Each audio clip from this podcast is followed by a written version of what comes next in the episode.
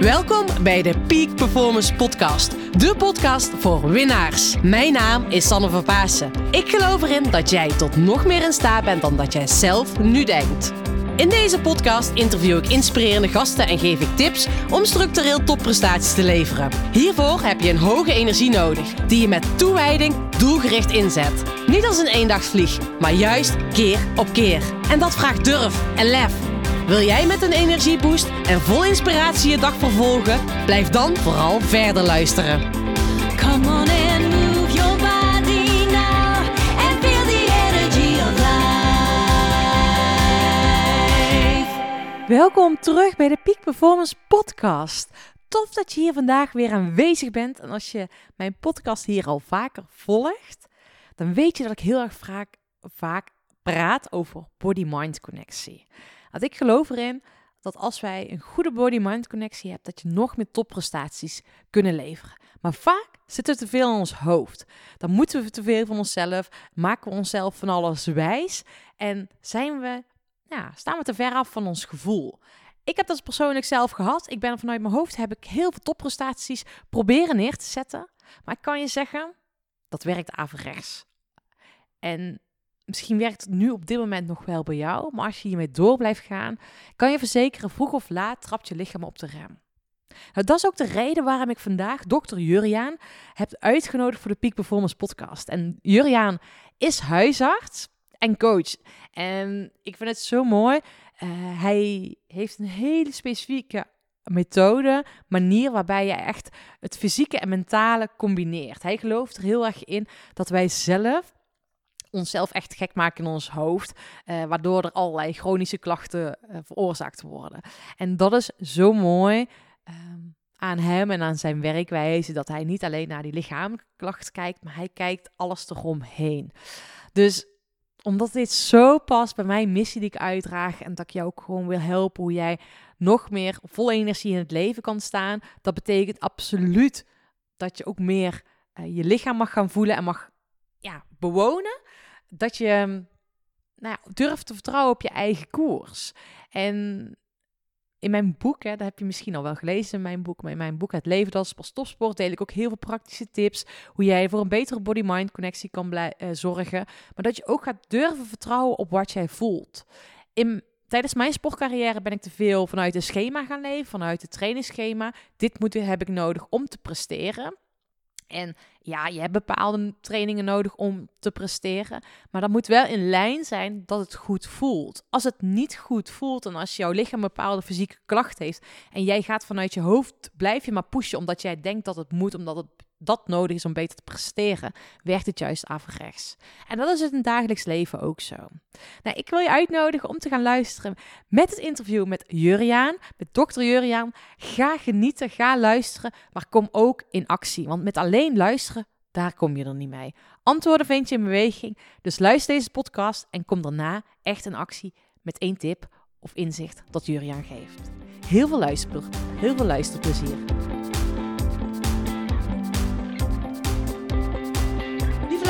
Tof dat je er weer bent. En vandaag uh, heb ik een hele speciale gast hier in de podcast. En vandaag heb ik dokter Juriaan hier. En uh, mag ik, Juriaan, mogen wij samen even een heel mooi gesprek voeren? Want daar ga ik elke keer van uit. En dat sta ik elke keer van te kijken bij de gasten die ik mag ontvangen.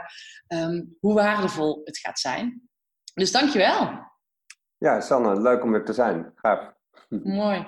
Juriaan, ik hoor volgens mij net uh, mijn brievenbus al binnen gaan vallen. Dus ik hoop dat ik dadelijk mijn boek ga openen. Dat er hier eentje in ieder geval in de brievenbus is gegaan. Dus dat hoor ik. Dat lijkt me heel vet om die te openen. Ja, mooi om daarbij aanwezig te zijn. Getuige van je boek. Cool. Ja, cool. Juriaan, mijn eerste vraag is eigenlijk... Waar krijg jij het meeste energie van? Poeh, waar krijg ik het meeste energie van? Um... Ja, dat is een mooie vraag. Eigenlijk, ja, voldoening. Als ik iets doe waar ik um, ja, een voldaan gevoel van krijg. En uh, dat, kan, dat kan enorm breed zijn. Dat kan, um, uh, nou, je had het net over je buurman die het gras maait. Als ik eh, de, het gras aan het maaien ben in de zon, dan geeft dat ook een voldaan gevoel. Maar uh, sporten hetzelfde. schrijven, tekenen, schilderen. Met mensen bezig zijn, eh, tijd doorbrengen met mijn vrouw of mijn kinderen. Ehm, ja, dat geeft enorm veel voldoening en ja, daar krijg ik energie van. Ja, mooi. Wel mooi om te zeggen, want ja, ik deed net inderdaad eh, de deur dicht omdat mijn buurman gras ging maaien. En ik keek naar buiten en eh, ik heb een groentetuin. En ik keek in mijn groentetuin meteen en dacht ik, wow, hij staat er echt heel mooi bij. En dat is wel meteen dat je denkt, oké, die lach op je gezicht, dat die lach op je gezicht verschijnt met wat je aan het, ja, wat je aan het doen bent. Dat is eigenlijk het allerbelangrijkste natuurlijk. Ja, en wat me dan meteen triggert in, eh, en dat, terwijl ik het opnoem, gebeurt het bij mezelf hetzelfde. Dat je zegt van oké, eh, wat je aan het doen bent. En ik probeer ook steeds meer alert te zijn om te kijken van oké, doe ik hetgene echt omdat ik het wil doen of wil ik er heel graag iets voor terugkrijgen? En natuurlijk niks mis om er iets voor terug te krijgen, maar op het moment dat ik er afhankelijk van word, dan, wow, dan word ik daar wel alert. En dan denk ik van oké, is dit, dit nou echt wat ik wil? Als ik nou echt vriendelijk voor mezelf zou zijn, zou ik dit dan doen? Doe ik het omdat ik het moet en dan daar voldoening voor krijgen? Of is het, eh, is het ook goed als ik het niet doe en heb, voel ik me dan ook nog energiek en vrij en Ja, fijn? ja. Eh, dat is wel een hele mooie. Omdat je het wil doen of hè, ten opzichte van verwacht je er iets voor terug. Want er zit een andere intentie achter waarmee je dus iets doet. Ja, en je, je eigen gevoel, je eigen goed voelen, wordt daarmee afhankelijk van iets anders. Mhm. En Van het resultaat. Ja, exact. Ja, dus eh, op die manier kunnen heel veel dingen die we doen, kunnen we denken dat dat ons heel veel vrijheid geeft. Bijvoorbeeld een gave baan of eh, nou ja, ook, ook dat gezin of dat project waar je mee bezig bent. En eh, dat je daarmee geld kan verdienen en op die manier je vakanties kan doen. Dat geeft natuurlijk heel veel vrijheid. Maar op het moment dat dat project dat dat moet slagen zodat jij geld kan verdienen en je daarmee rustig en voldaan kan voelen en je vervolgens jouw leven kan leven op de manier zoals jij zou willen, dan wordt jouw leven dus afhankelijk van het slagen van het project. En dat is dan geen vrijheid, maar dat wordt dan eerder een soort keurslijf, een soort Ja. molensteen die je om je nek heen mee zo. Ja, Ehm, en ondertussen hou je jezelf voor dat je heel goed bezig bent. ja, ja. En dat is het stukje wat heel veel mensen natuurlijk wel eh, lastig vinden om die automatische piloot. Hè? Want dat is dan wat je aan het doen bent. Je bent gewoon dingen aan het doen dat hoort. Of dat, hè, omdat het inderdaad geld oplevert of wat dan ook. Maar je vergeet jezelf. ehm, met wat je echt wilt en waar je blij van wordt. Ja, En- en ik, volgens mij, het is ook niet erg dat het gebeurt. Ik bedoel, eh, gaaf natuurlijk om een mooi project of een, eh, of een groot succes te boeken. Of het nou in je werk is, privé of bijvoorbeeld in je sport. Een gave sportprestatie, daar worden we allemaal blij van. Ehm, maar zolang je maar alert kan blijven op het moment van, oké, is dit echt wat ik wil? Of ja, wie heeft nou leiding over wie? Heb ik nou leiding over het presteren in mijn sport? Of heeft die sportprestatie leiding gekregen over mij? Ja. Ehm, nou, zolang je daar alert op blijft en bijstuurt, ja, dan, ja. zijn, ja, dan blijf je op koers, denk ik. Ja, dan blijf je op koers. Ja, dat is wel heel mooi, want dat is het belangrijkste. En hoe heb je dit voor jezelf ontdekt? Want is dat bij jou altijd vanzelfsprekend geweest? nee, nee ik, ook, ik ben natuurlijk gewoon, eh, zoals ieder van ons, een product van onze opvoeding en een product van de maatschappij waarin we opgegroeid worden, waarin je toch vooral iets moet doen voordat je oké bent. Mhm. En dat je vooral iets eerst in de actie moet gaan voordat je iets mag ontvangen. Dus voor mij was het niet anders. Nee. eh, heel mijn eigen waarde had ik ook opgehangen aan mijn sportprestaties bijvoorbeeld. Waardoor dat gewoon echt een noodzaak werd om me goed te voelen. Ja, Nou, dan kan je, misschien heb je zelf ervaringen, maar dan kan je je voorstellen hoe gezellig het was ehm, als ik geblesseerd was bijvoorbeeld. En natuurlijk werd ik vaak geblesseerd, want het, het was het enige, de enige manier waarop ik mezelf mijn eigen waarde kon geven. Dus ik ging daar zo vaak over heel veel grenzen. Ja. Ja, en dan dus niet alleen in mijn sport, maar in alles Ja. wat ik deed. ja. Wat, wat, wat is jouw sport? Ja, ik, ben, ik heb heel lang atletiek gedaan, middellange en lange afstand. En eh, toen snoeihard neergeslagen. En toen weer overeind gekrabbeld eh, na heel veel hartritmestoornissen. Toen ben ik triathlon gaan doen. Dat eh, was heel relaxed, maar dat ging ook steeds beter. Dus dat werd ook weer, in plaats van een uitlaatklep, werd het gewoon een prestatie. Ehm, ja, totdat het lichaam echt op een gegeven moment zei van oké, hoofd stop tot hier en niet verder. Ja. Ja. En je, je lichaam zei dat of je hoofd zei dat? Nee, echt mijn lijf. Ik heb op een gegeven moment in 2000, wat was het, 2013 heb ik mijn rug gebroken met skiën.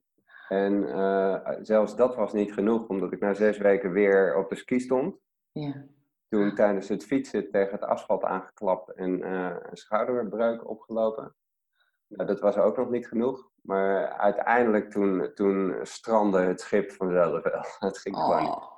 Oh. Dat is wel even bijzonder, want jij vroeg net wanneer dat is een beetje hetzelfde tijdstip geweest als ik dat allemaal heb gehad, meegemaakt van eh, een beetje hetzelfde tijd geleden inderdaad. Grappig. Ja. Toeval, toeval. Maar dat is een stukje waar ik ook echt in geloof. Weet je, dus je lichaam die trekt dan, die trapt letterlijk op de rem. Als je maar niet wil luisteren, luisteren, luisteren, dan op een gegeven moment dan eh, trapt hij op de rem. Ja, en ehm, als ik terugkijk naar ook die periode daarvoor, dan, en ik had de kennis van nu, ja, dan had ik, dan had ik waarschijnlijk eerder al bijgestuurd. Ja. Maar ehm, ja, tegelijkertijd realiseer ik me ook dat al die processen nodig zijn geweest om Ja. uiteindelijk tot deze inzichten te komen, maar ook me in staat te kunnen stellen om, als ik nu ergens last van heb, om te zeggen van oké, vandaag, vandaag even niet. Weet je? Ehm, nog steeds kan, ik, kan er iets in mij zijn wat iedere dag vindt dat ik moet sporten. Ja. Maar tegelijkertijd kan ik ook veel beter afstemmen en zeggen van nee, vandaag is het echt beter om gewoon even iets anders te doen. Ja. Of helemaal niks te doen. Dat is ook oké. Ja, ja dat is mooi. Ik, ik herken dat, weet je. Dat ik nu veel meer vanuit mijn intuïtie aan het sporten ben. En dat ik met veel minder sporten eh, echt heel hard ga. Dat ik dacht, eh, veel, minder, nee, veel minder intensief sporten. Dus dat ik echt sta te kijken en ik denk, wow, dat is echt zo'n grote impact. Herken je dat ook? Ja, en eh, het hele presteren is er bij mij sowieso vanaf. Ehm, eh, ik heb geen klokje meer om als ik ga hardlopen. Ehm, ik kan het wel leuk vinden om een hele high-intensity training hier in de tuin te doen met een kettlebell en een rope, eh, een battle rope. Of, eh, dat vind ik super fijn om dan in een half uur helemaal leeg te zijn. Ehm, maar ja, als ik ergens last van heb, ja, oké, dan stop ik gewoon halverwege. Ja, dus het doel om gezond en fit te blijven en lekker te voelen is belangrijker geworden dan eh, dat ene rondje drie minuten sneller. ja mooi. Ja. Dat is wel heel erg mooi. En doe je nu, want ben ik wel nieuwsgierig want ik ben sinds dat ik gestopt ben met veldrijden, ben ik ook eh, ben ik veel gaan mountainbiken, maar ook veel triathlons gaan doen. Heb je nog iets op de planning of nog, nog iets, eh, of, of is dat ook helemaal gestopt dat je van die uitdagingen aangaat? Ja, nou, eh, mijn lijf houdt het echt niet vol. Dus ehm, Nee?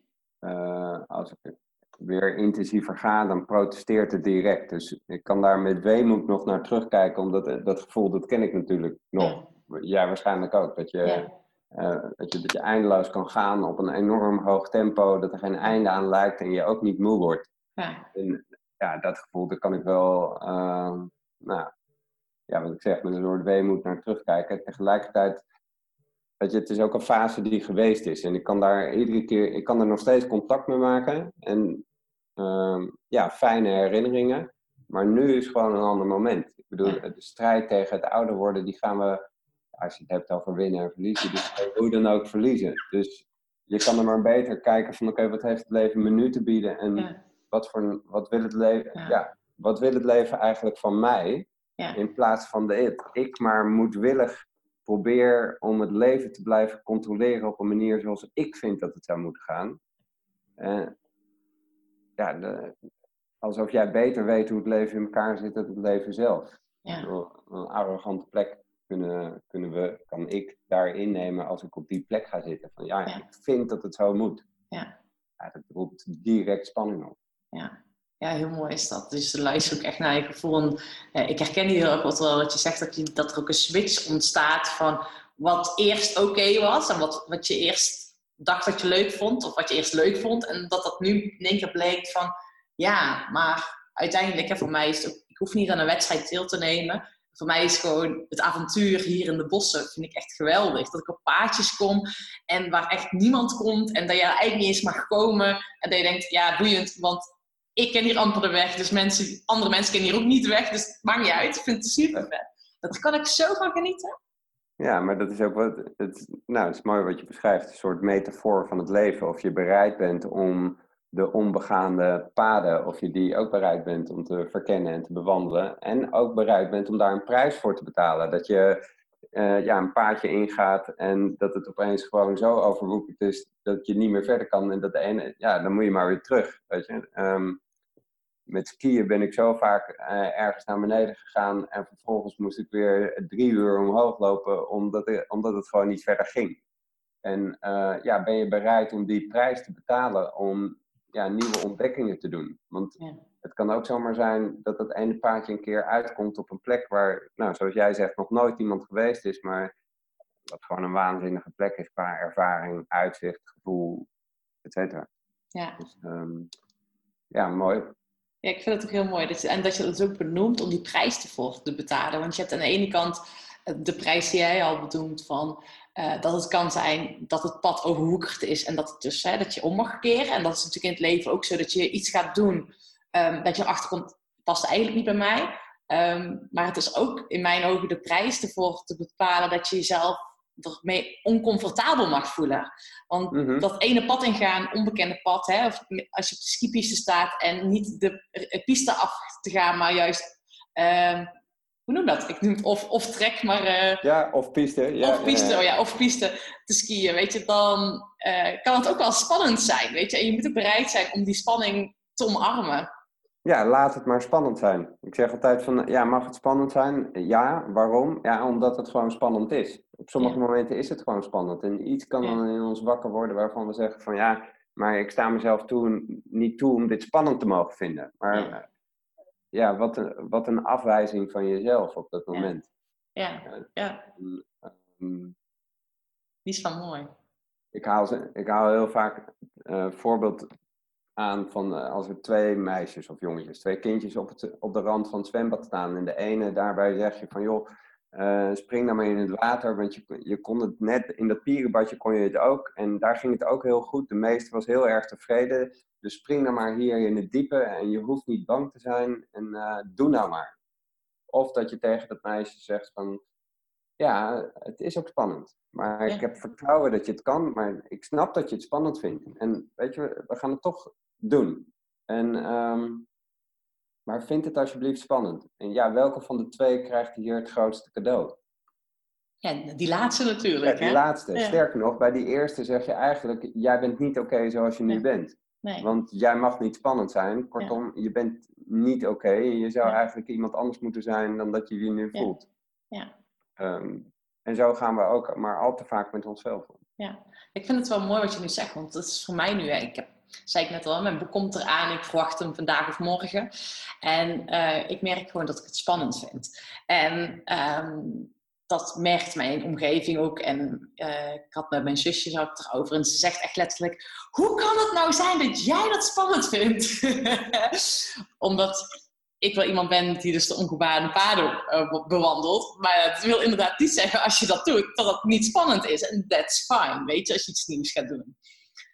Ja, maar, maar het helpt ook. Weet je? Door, Ja. Als jij heel relaxed daar op die mountainbike zit en eh, het wordt opeens, weet je, ehm, alsof je aan het loungen bent, bij wijze van Ja. dan ben je ook niet alert genoeg om op tijd te reageren als het Nee. opeens heel stijl wordt of Ja. eh, er opeens een bocht is die je niet verwacht.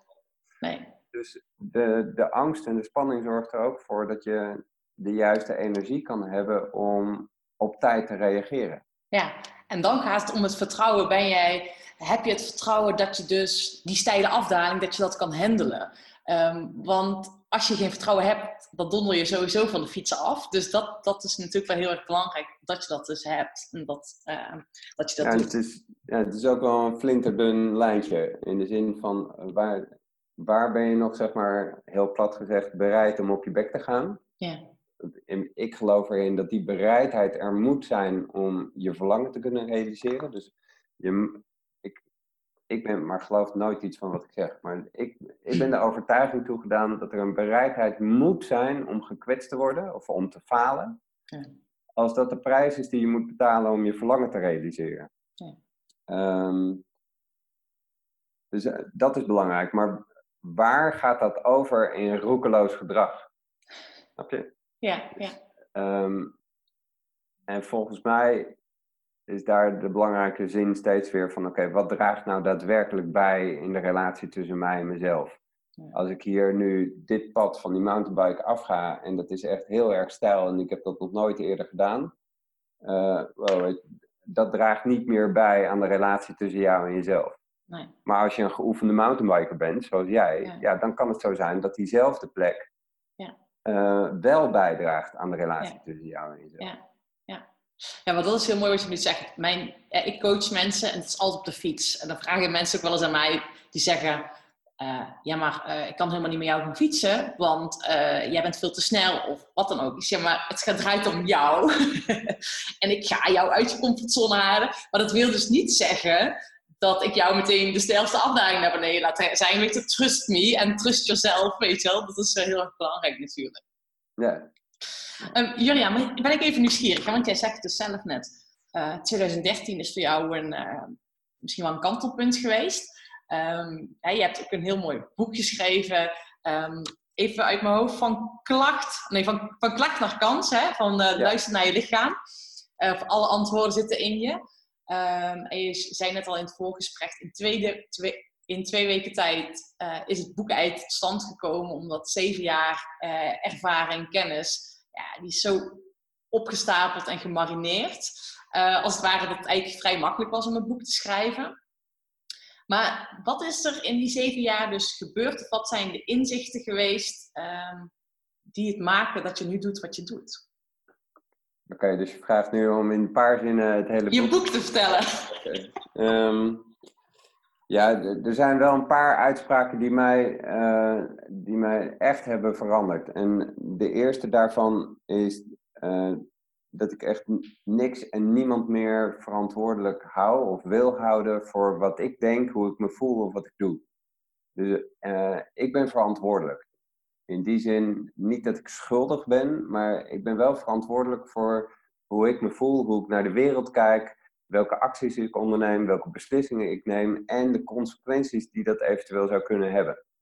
Ehm, nou, dat, dat klinkt misschien heel groot en dat is het ook wel. Ehm, wat, het, wat het praktische resultaat is, is dat ik niet meer iemand anders verantwoordelijk hou voor hoe ik me voel. Dus op het moment dat je, ik of we allemaal kunnen zeggen van ja, maar jij hebt dit gedaan of jij zou dit anders moeten doen of als het weer nou beter was of nou ja, whatever. Als mijn werkgever nou anders zou reageren dan, eh, daarmee leggen we de kwaliteit van ons leven direct in handen van iemand anders en zijn we volledig het roer kwijt.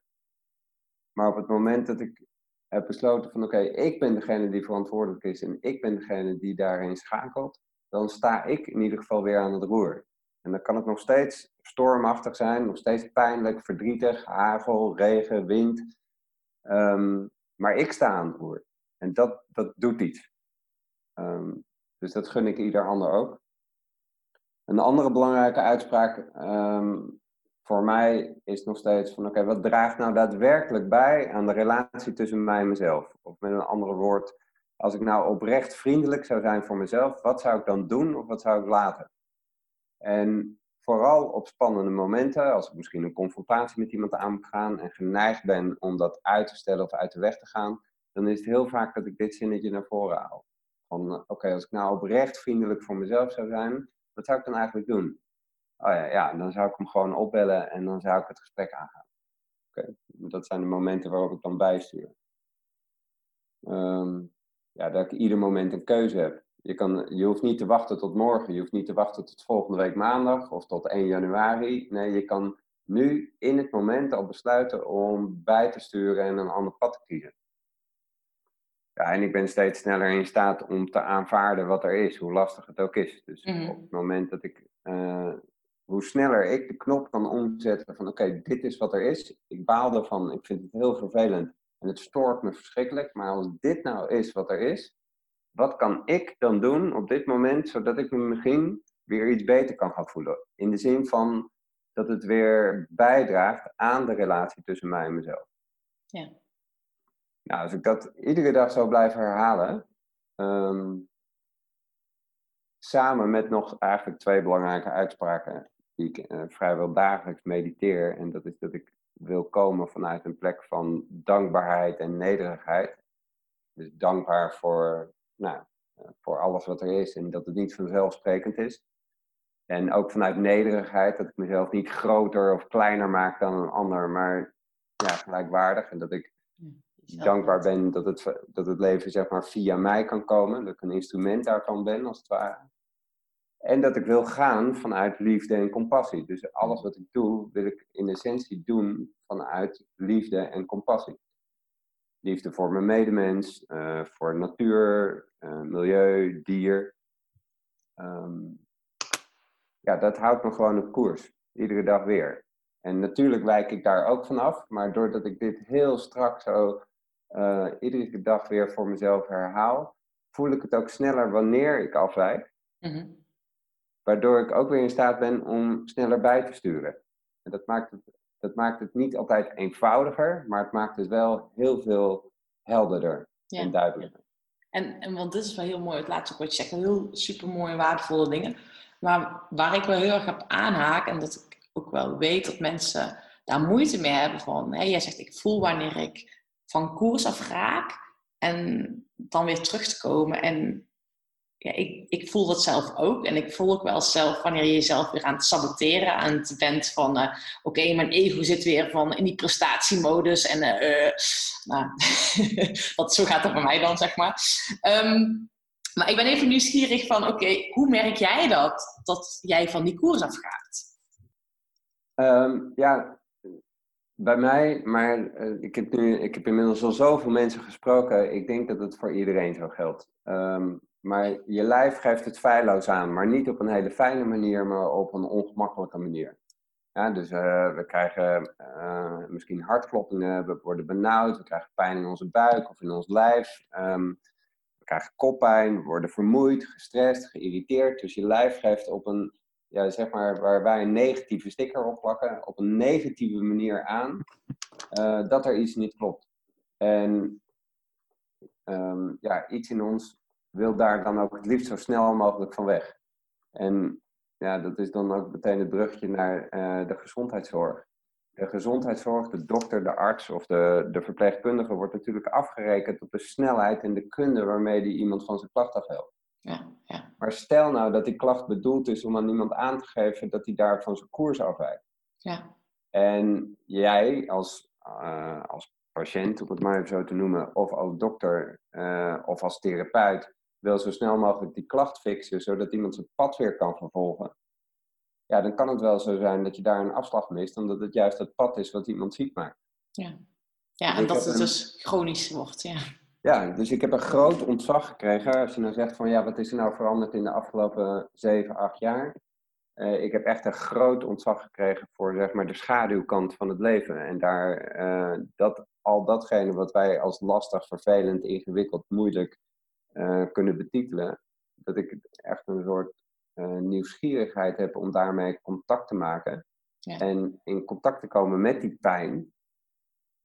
Eh, ook omdat ik inmiddels een groot vertrouwen heb dat dat een prima plek is om te zijn. Ik heb daar nog Ja. steeds vaste grond onder mijn voeten, kan er nog zijn. Oké, het voelt niet gemakkelijk, maar er zit Ja. onwijs veel waardevolle informatie op die plek.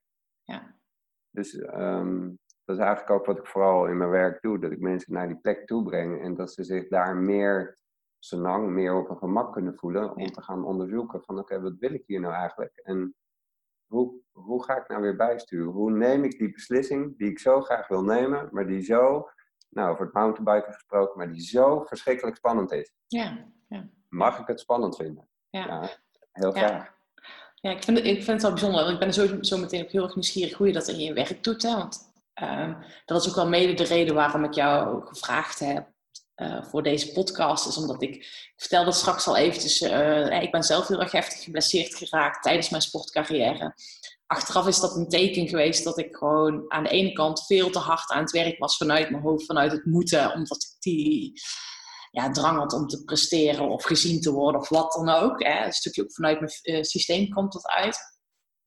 Ehm, en ehm, waar ik toen ook achter kwam, dat hoor ik jou ook al even zeggen, van ik ben naar verschillende specialisten gegaan en, en toen kwam ik erachter van ja, wat er ook onderzocht wordt, er komt iets uit. En toen vond ik het zo bijzonder dat eigenlijk iedereen voor zijn eigen parochie soort van praten. Ehm, en dat ze ook allemaal wilden opereren. Alleen dat ze mij, ze zagen mijn klacht wel, maar ze zagen mij niet als mens. Ehm, en achteraf gezien vond ik het eigenlijk best wel knap dat ik als 23-jarig meisje, of jonge vrouw, meisje, dat ik eigenlijk toen heb gezegd van ja, maar jongens, dit klopt niet. Weet je, je moet naar het totaalplaatje gaan kijken. Eh, en dat vind ik zo gaaf dat, dat, dat jij dat dus ook zegt van weet je, van die klacht, die wil je iets vertellen. Ehm, en ga dus naar, naar wat die klacht te vertellen heeft, ga daar naartoe. En durf die schaduwkant aan te kijken en kom van daaruit in beweging. Ja, en ehm, eh, twee, twee dingen hier die, eh, waarvan ik de behoefte voel om dat eh, mee te delen. Eh, die arts die doet daar echt helemaal niks verkeerd. Die komt namelijk vanuit de aller, allerbeste plek. Die wil niks Ja. liever dan dat jij je ook weer beter gaat voelen. Ja, Ehm, en heel soms kunnen, kan men dan nog wel eens de neiging hebben om de reguliere geneeskunde helemaal fout te maken. nee. Maar ehm, hun intentie is echt puur en zuiver.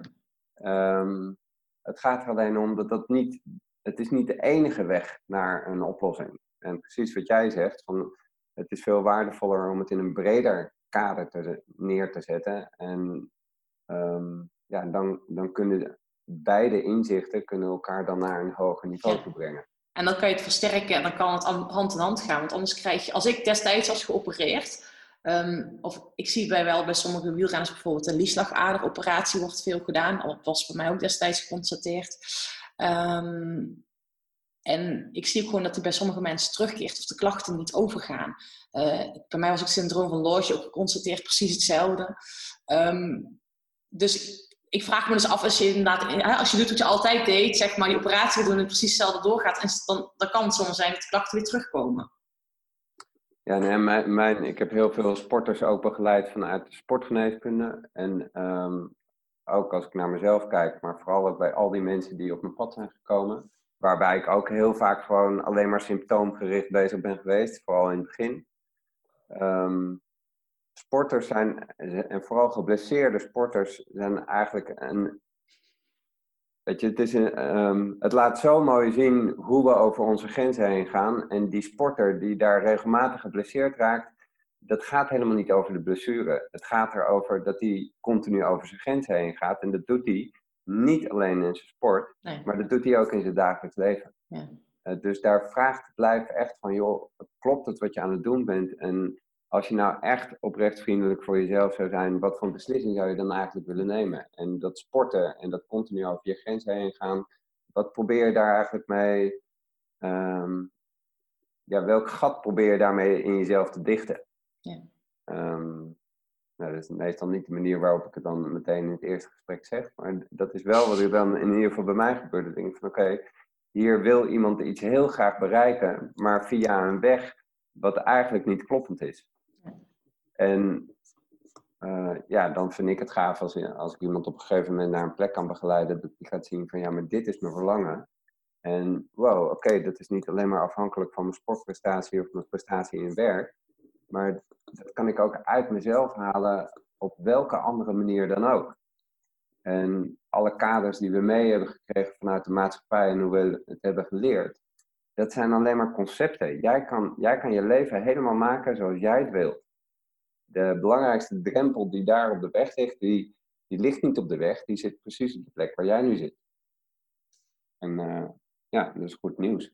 Dat is goed nieuws, want daar kan je dan iets mee. Ja, precies. Ja, maar ik vind het wel heel mooi, want die metafoor die is gewoon echt gewoon...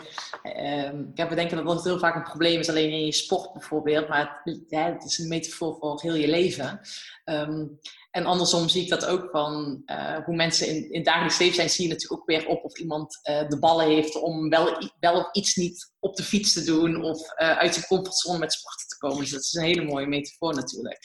Ja, En, en ik ben eigenlijk heel nieuwsgierig, Jurgen, want hoe heb je uiteindelijk die vertaalslag gemaakt? Want jij bent als arts, ehm, ja, dat is even een aanname wat ik doe, maar eh, gewoon, je bent zo meteen als huisarts begonnen, dus gewoon zeg maar, want nu doe je nog ook coaching erbij en heb, heb ik het idee dat je het breder aanvliegt.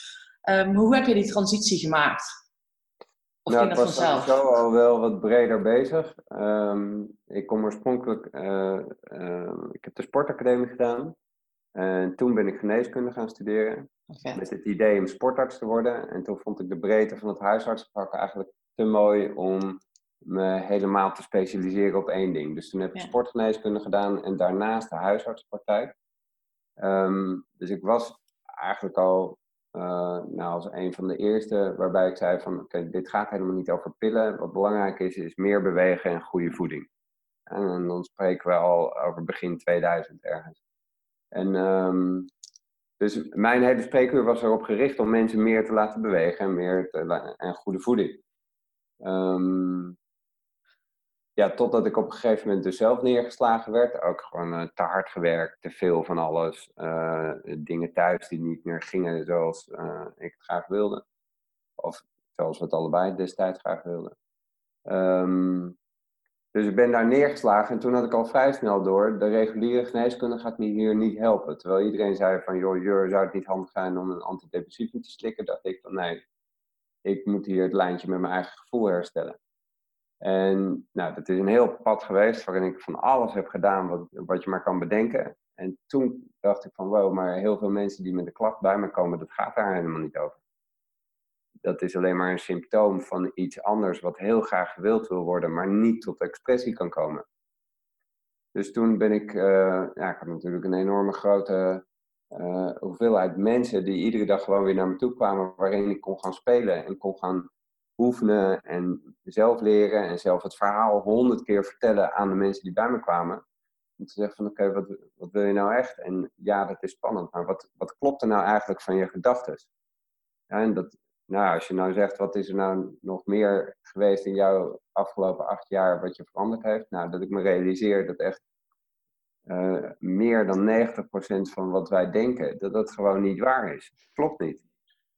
Weet je, het is, als je kijkt naar feiten, zitten we ons de hele dag verhalen te vertellen die gebaseerd zijn op ideeën en op concepten. En die we vervolgens klakkeloos voor waar aannemen en we ons ook zo gaan voeden.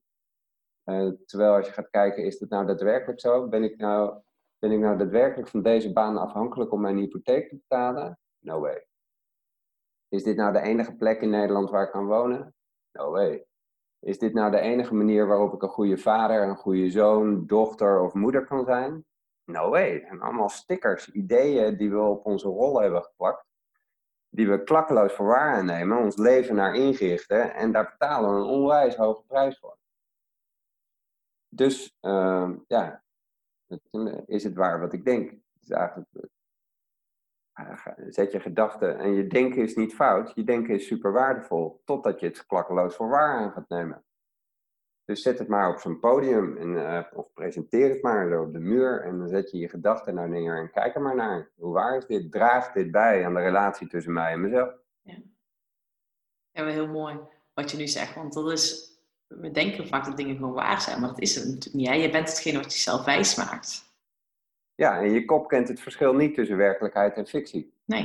Dus eh, Ja. je kan jezelf iedere dag eh, voorhouden dat als je deze relatie beëindigt, dat het dan echt heel erg slecht wordt. Je nooit meer de liefde in je leven zal krijgen. En ehm, het eh, vooral heel erg slecht is voor de kinderen en de hele wereld daar iets van gaat vinden. Ja, hoe groot denk je dan dat de kans is dat je uit die relatie stapt? Ja, niet. Nee. Terwijl alles in jou voelt en zegt van ja, dit is niet kloppend. En dat is niet tegen de persoon waarmee je samenleeft, maar dat het dan op dat moment gewoon niet kloppend is voor jou. Ja. En dit, dit is wel heel mooi, want gebruik je het ook andersom? Eh, want dat heb ik in de sport natuurlijk heel veel gedaan, andersom ook gebruikt. Hoe bedoel je andersom? Nou ja, ehm, hè, als je dus die verhalen gaat blijven vertellen van als het verkeerd gaat. Maar ik gebruik nu dus bijvoorbeeld ook heel veel verhalen. Eh, dat ik mezelf bewust eh, visualiseer van oké, hoe gaat het zijn als of ehm, ook met de wedstrijd, eh, dat was vroeger dan, maar weet je, wel, weet je, ik wist gewoon hoe ik ging anticiperen in bepaalde situaties. Ik wist hoe die wedstrijd ging. Maar ik had me ook getraind van dat ik wist, als we dan even sport specifiek had, ik wist wat er ging, tijdens een wedstrijd fout kon gaan. En dat ging ik al pareren. Mhm. Ehm, en dat doe ik nu dus eigenlijk ook in het dagelijks leven. Van ja, wat kan er fout gaan als ik, ehm, ja, hè, bijvoorbeeld, ik vind het spannend op mijn boeklancering. Ja, wat is het ergste wat er kan gebeuren? Ja, dat er foutjes in mijn boek staan. Nou, ik weet dat er al foutjes in mijn boek staan, want ik heb het eh, net ingesproken als luisterboek. Maar that's fine. Dus, weet je, we zijn mensen. Maar wat kan er nog meer fout gaan? Ja, weet je, dat er iemand iets van vindt. Ja, ja weet je, iedereen vindt er wat van. Dus ja, Ja, nee, helemaal waar. Ehm, Ja, je betaalt altijd een prijs. De vraag is welke prijs je wil betalen. Ja, dus je ja. kan eh, de lastigheden continu blijven omzeilen en vervolgens verlies je daar dus een stukje van de verbinding met jezelf. Ja. Of je kiest ervoor om de verbinding met jezelf te behouden en de prijs die je dan betaalt is ja, dat het onzeker is of dat je eh, Ja. butsen, scheuren en deuken op kan lopen. Ja, welke prijs ben je bereid om te betalen? En, en in deze maatschappij waarin eh, werkelijk alles mogelijk is, eh, en er dus heel veel verleidingen zijn, eh, zijn we vaak geneigd om een keuze te maken die juist heel erg goed is. En de keuze die de meeste benefits, de meeste voordelen oplevert. Terwijl het in mijn ogen heel erg waardevol kan zijn om het echt 180 graden om te draaien en te zeggen van oké, welke prijs wil ik eigenlijk betalen? Ja. Kies ik ervoor om in deze baan te blijven, zodat ik eh, in ieder geval een soort van illusie van zekerheid heb dat ik op de plek kan wonen waar ik woon, de auto kan rijden die ik rijd en op vakantie kan gaan. Maar is de prijs die ik daarvoor betaal dat ik iedere dag eigenlijk met tegenzin naar mijn werk ga, pijn in mijn buik heb, kop, eh, pijn in mijn kop en vermoeid ben? Of En een slechte relatie hebt. of een slechte relatie hebt? Of ga ik ervoor om de verbinding met mezelf te herstellen? Zeg ik deze baan op en of ga ik het in een andere vorm gieten? En is de prijs die ik dan betaal dat ik geen idee heb hoe het gaat lopen? Welke prijs wil je betalen? Ja. Ja. En daar is geen goed of fout. Weet je, het is ook helemaal prima om wel in die baan te blijven zitten. Het gaat erom wat opnieuw bijdraagt tussen jou en jezelf. Die gouden kooi is helemaal prima als je daar Ja. jij heel erg prettig bij voelt. Ja. Ehm, maar de vraag is wat, ja, wat je wilt, waar je echt blij van wordt. Ja, mooi is dat. Ja. En heb je vast wel, maar ik ben wel even nieuwsgierig of je naar een. eh, ik weet niet, hoe, hoe noem jij jouw klanten? Patiënten? Nee, mensen zijn het meestal. Oké, oké. Ja, daarom. Ik dat jouw klanten mensen. Heb jij een voorbeeld van een, een, eh, een persoon die je hebt geholpen, die, eh, die bij jou meteen in je hoofd opklopt? Dat je dacht van wow, dat is echt zo bijzonder wat er is gebeurd. Totdat hij zijn schaduwkant is aan gaan kijken en bereid was om die prijs te betalen? Ja, er zijn er heel veel, maar ehm, en iemand die nu oppopt, is iemand die net de, de drie dagen in Duinen Kruidberg heeft gedaan. Een, een man die ehm, aan alles voelde dat hij niet op zijn plek zat op zijn werk, had een andere functie gekregen waarin hij aanvankelijk meer vrijheid zou krijgen, maar het praktische resultaat was dat, hij, dat er juist veel meer protocollen en regels kwamen. Ehm, uitgevallen, ehm, al een aantal maanden totdat hij bij mij kwam. En toen ben ik met hem aan de slag gegaan. En ja, zijn we vooral naar de pijnkant ook hier gegaan. En hem zo heel voorzichtig laten voelen en exploreren van oké, wat, wat zou je nou echt willen en wat ligt daar nou op de weg? En stel dat je het gaat doen, wat is dan het risico wat je loopt? Ehm, en daarmee zijn we aan de slag gegaan. En die man die is echt bereid geweest om gewoon eh, ja, heel diep te gaan. En daarin continu weer nieuwsgierig te willen zijn van oké, wat is daar dan?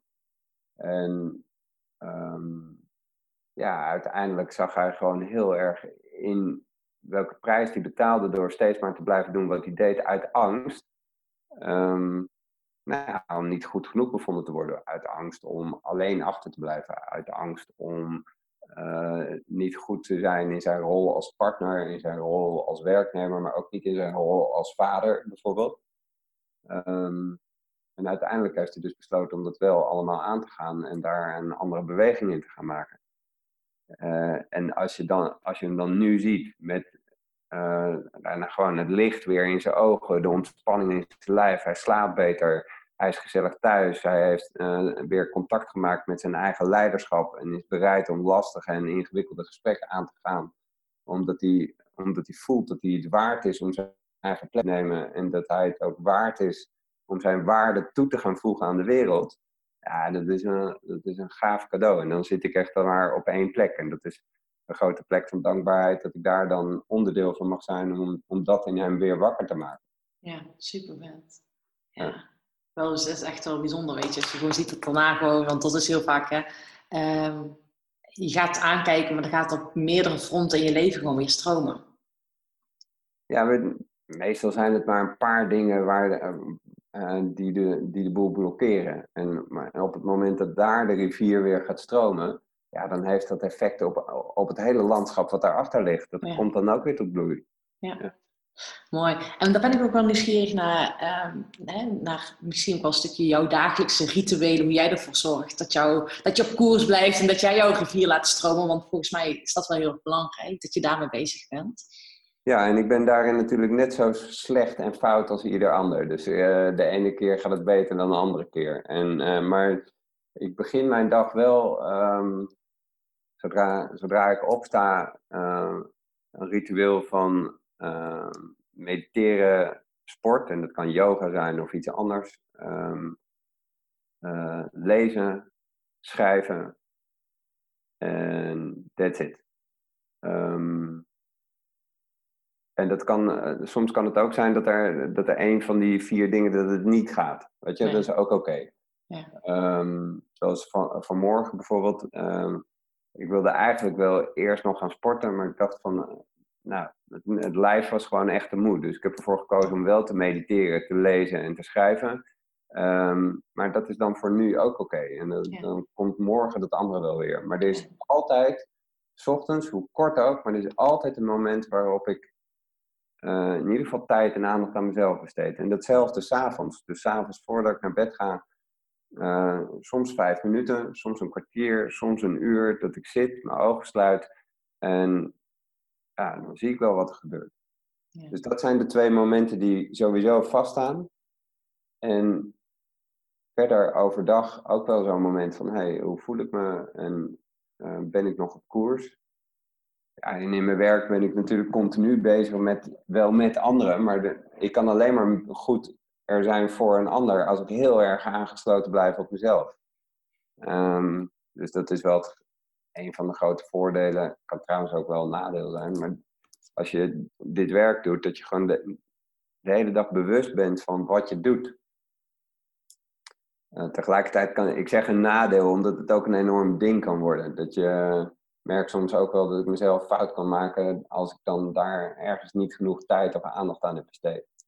Dus dan Dat herken ik. er gelijk dezelfde valkuil in, want dan wordt meditatie dus een soort van moeten om me beter te gaan voelen. Ja. Terwijl, ehm, en dan krijgt de meditatie leiding over mij in plaats van dat Ja. ik nog, zeg maar, koers houd of leiding houd over de meditatie.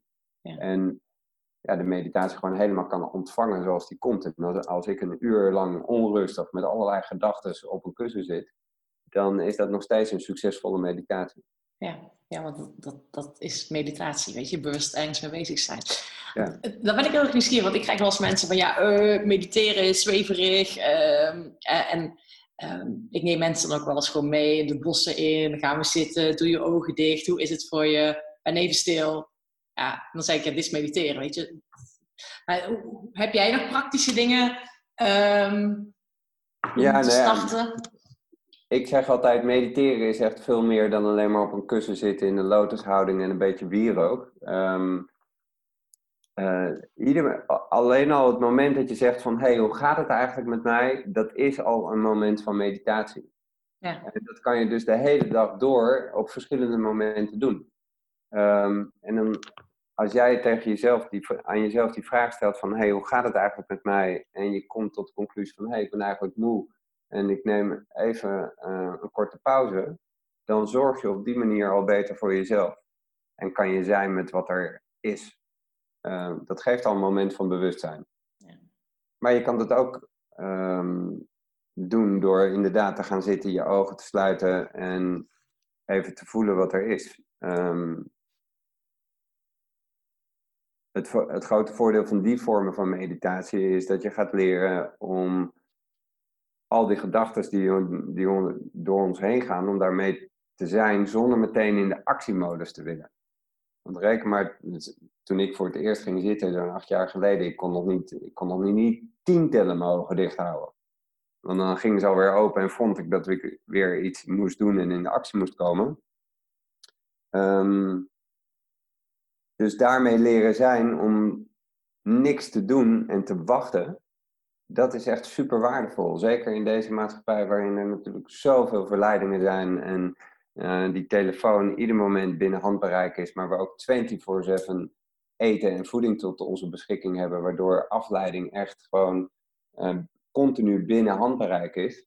En we dus niet meer gewend zijn om met weerstand om te gaan. Weerstand in de zin van, wow, dit vind ik lastig. Oké, Ja. ik mag het lastig vinden en ik doe even niks. Ik blijf gewoon daar wachten.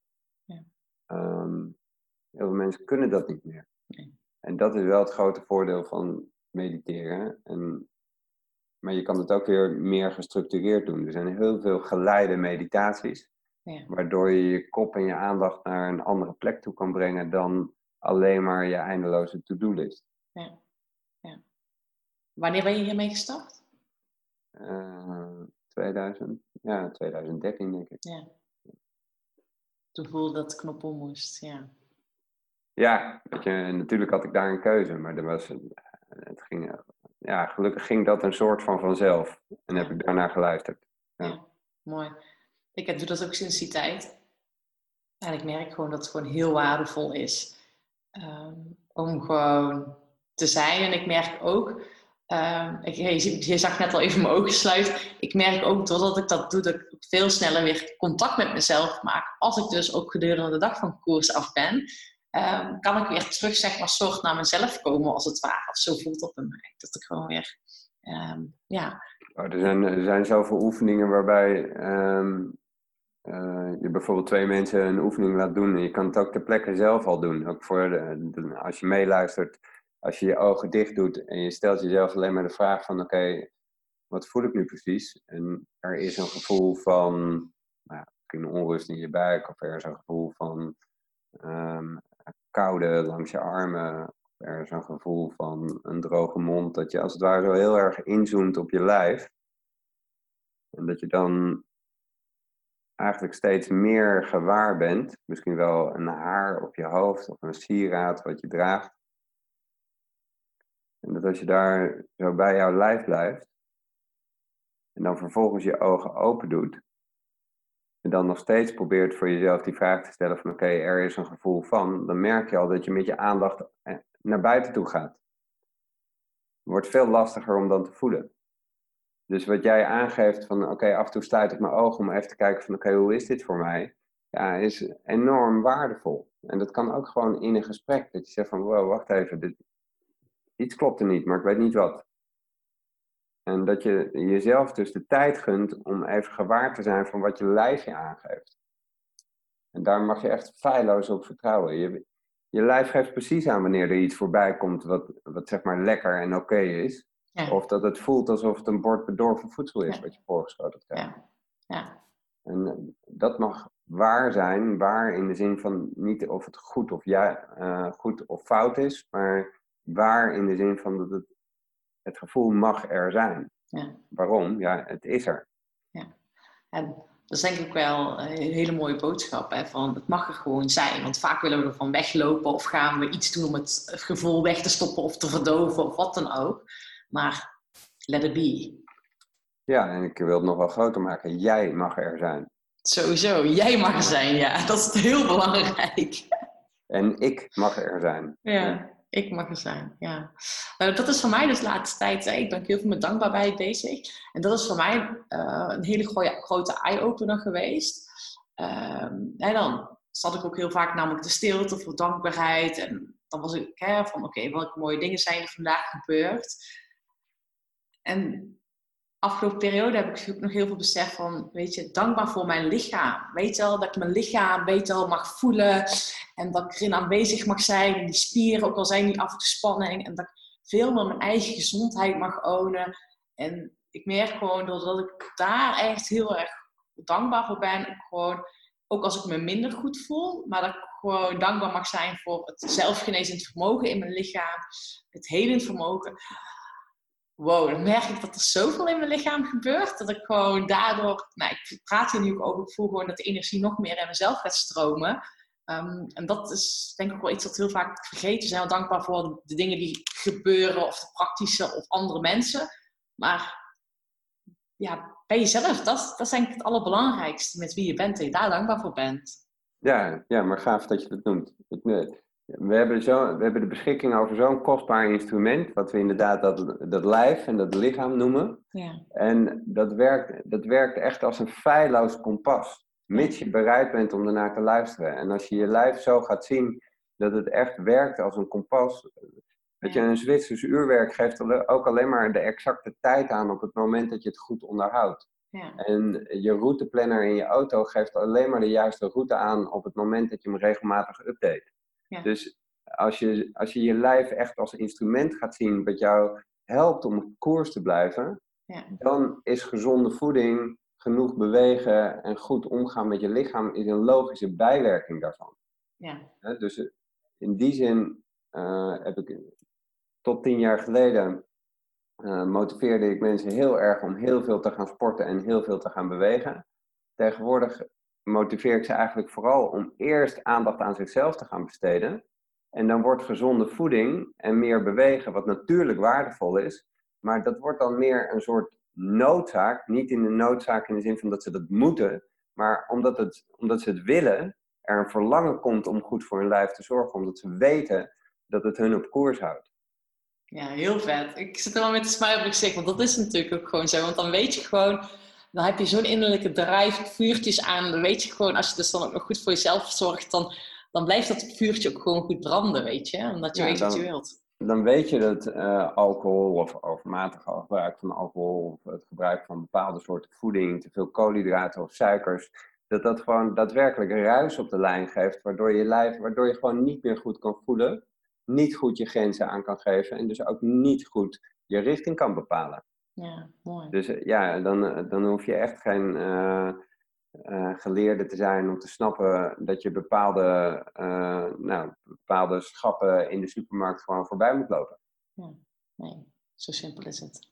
Ja, Ja. heel mooi. Dankjewel. Hey Juriaan, en als je nog één ding mee mag geven aan de luisteraar, waar je zegt van oké, ehm, want ik vind het altijd heel erg mooi en dat zeg je ook, antwoorden vind je in beweging. Dus durf misschien dat onbewandelende pad, die afslag te nemen.